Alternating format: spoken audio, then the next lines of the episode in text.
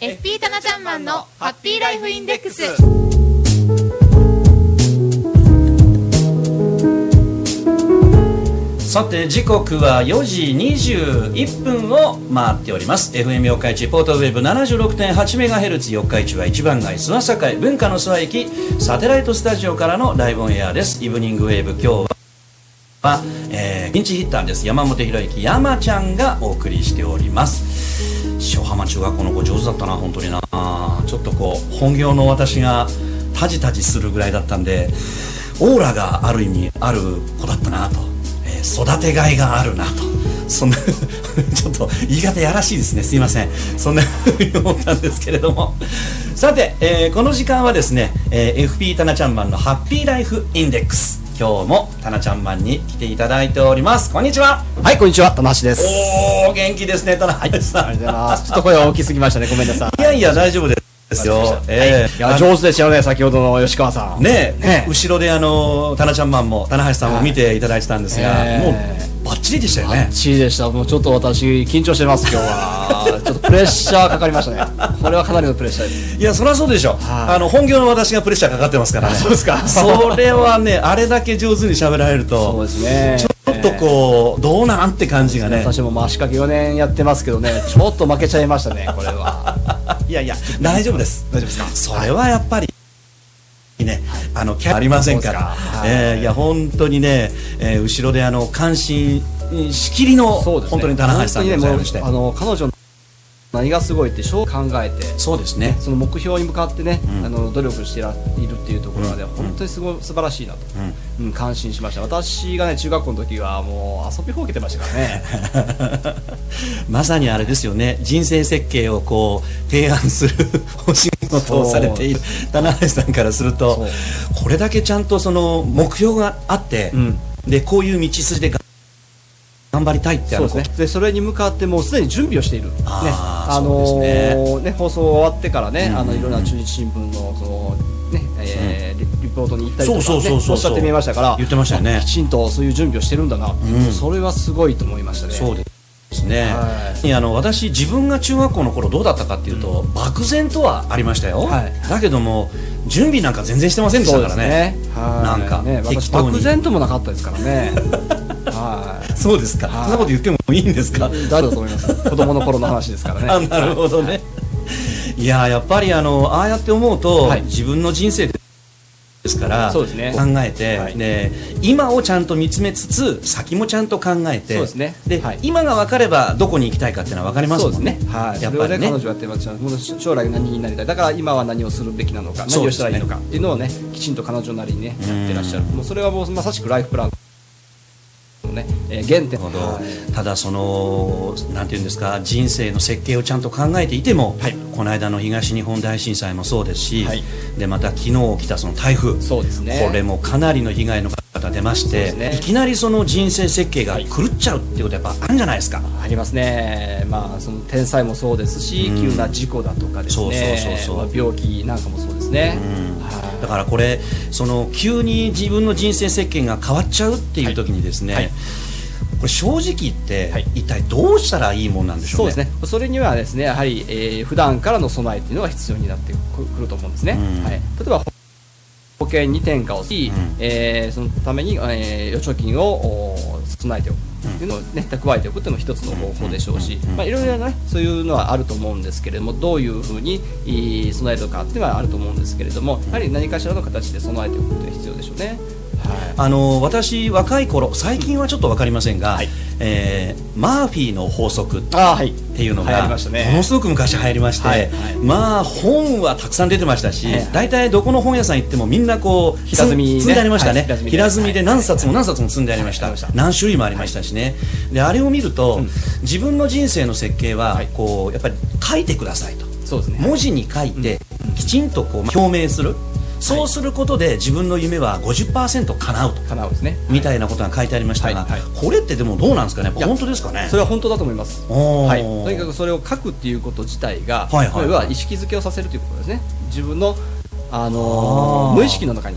すり込んでいくはい作業はいはいまあこれこれちょっと心理学も入ってくるんですそけれどもは潜はい在意識とかに入ってくるってそういうことですですかねあは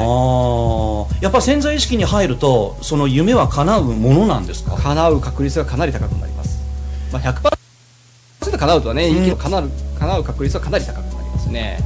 ああそうですか、はいあのこの放送でもお話少しだけでしたことあるんですけれども、はいはい人っていうのは、まあ、これ人だけではないですね、すべての生物動物っていうのは、う無意識に,、うに支配されていますから、そうですね、、はいつもいつも意識してるわけじゃないですもんねそうですねえーはい確かにそうですね、無意識に意識あの左右されてますんで、ん支配されてますから無意識にそれが、えー蓄えられれば当然そちらの方へ向かっていく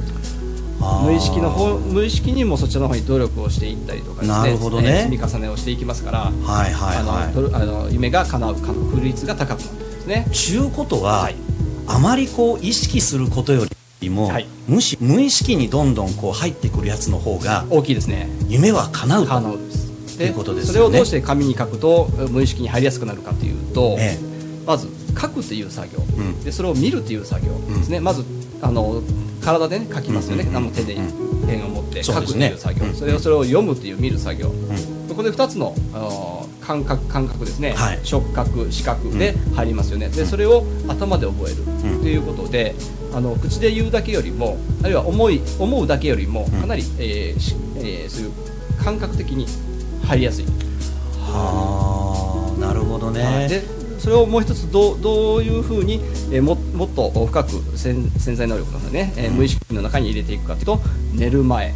寝る前寝る前に口ずさむようにですね繰り返すこれが一番大きいですねでもそれはわかる気がする、はいよくあの高校の勉強の試験前の勉強なんかで、寝る前に教科書を読むとよく覚えてたりするんですねそうですねあのそれが何気なく読んでるやつがよく覚えたりしそうまですすね睡眠療法とかって昔あったじゃないですかあーありましたありましたのこううとうとしている時にこうカセットテープを聞くとかですね、うんあれまさしくそうですよねはなるほど、はそうするとちょっと違うかもしれませんけどあのほら石川遼君がどうのこうのって言ってる、うんあの英会話なんかも、はいあれも意識しない方がいそうですね聞き流してくださいなんて言ってますけど、そうなんですああいうのはやっぱりこうどんどん無意識にこう入ってくるそういうことですねそういうことなんですね。はい、はいほそうですーじゃああれですね今こう例えば被災されて、はいちょっと大変な目に遭ってるとか、そういう、まあ、人生の中でね被災はしてないけれども、まあ、ちょっと今落ち込んでるへこんでるっていうような人は、はいできたらいいイメージをそうですねどんどんこう書いて、はでこう自分の中で表明しそうとですね自分の人生がこううまくこう転がっていくっていうかそうですね。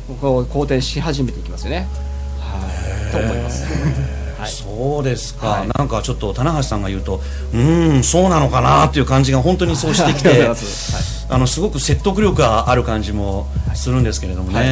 いやあの実はですね、はいこんなお話、まあ、今日はもっともっと本当は聞きたいんですが、はい実はこの、えー FP タナちゃんマンのハッピーライフインデックス、い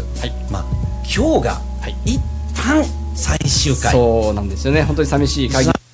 残念なんですけれですどもね、本当の話、はいこれ、大体どうですか、延べでどれぐらい続いてましたかね、えー、もうだいぶ鍋でですね。何年で続いてますよ五ね。年ぐらいじゃないかなと思うんですけど。ですよね、もうかりなり長い時間続いてますもんね。はい。その間三ヶ月ぐらいね、お休みもいただいた時期もありましたけれども。んはい。ちょっと本当に残念なんですが、はいそうですねまたあのここで一度リフレッシュをしていただいて、はいで新たにまあパワーアップをして、そうですね。またはい帰ってくる、はい I'll be back そうですね。っていうところで、はい。はいうーん本当に残念なんですが、まあ、じゃあ、